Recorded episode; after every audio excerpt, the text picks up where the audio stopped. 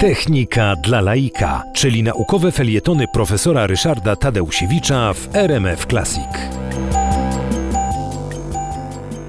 Podstawowym narzędziem, którym posługują się biocybernetycy w swoich pracach jest pojęcie modelu. Ten model można rozumieć bardzo różnie, dlatego że model na pewno jest pewnego rodzaju formą abstrakcyjną, opisującą rzeczywistość, czy to techniczną, czy biologiczną, na bazie pewnych umownych symboli, na bazie pewnych umownych opisów, które w dużej mierze nawiązują do matematyki. Natomiast te modele, które są podstawowymi narzędziami właśnie w biocybernetyce, można dodatkowo sklasyfikować, podzielić i w odpowiedni sposób y, z nich korzystać. Przede wszystkim podział jest na modele statyczne i dynamiczne.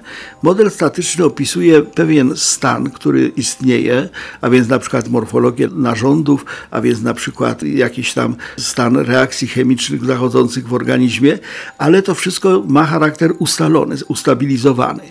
Natomiast y, najciekawsze modele powstają w momencie, kiedy w tym obiekcie, który opisujemy modelem, który za pomocą modelu y, próbujemy przybliżyć i zdefiniować, zachodzą pewne procesy. Takim procesem y, jest oczywiście w ogóle wszelki proces życiowy, ale szczególnie istotne są modele dynamiczne w momencie, kiedy dotyczą choroby. Chodzi o to, że normalne funkcjonowanie narządów, normalne funkcjonowanie tkanek i komórek zostaje zaburzone i dynamika tego zaburzenia, a także konsekwencje tej dynamiki w postaci choroby są y, bardzo istotnym elementem takiego modelu. Jeśli zbuduje się prawidłowy i dobrze działający dynamiczny model choroby, to również i leczenie można przewidzieć, bo można wtedy na takim modelu sprawdzać, a co by było, gdyby w taki czy inny sposób tą chorobę traktować. Wobec tego te modele dynamiczne są najciekawsze, ale modele statyczne też są ciekawe i wobec tego zarówno jedne, jak i drugie w biocybernetyce swoje zastosowanie mają.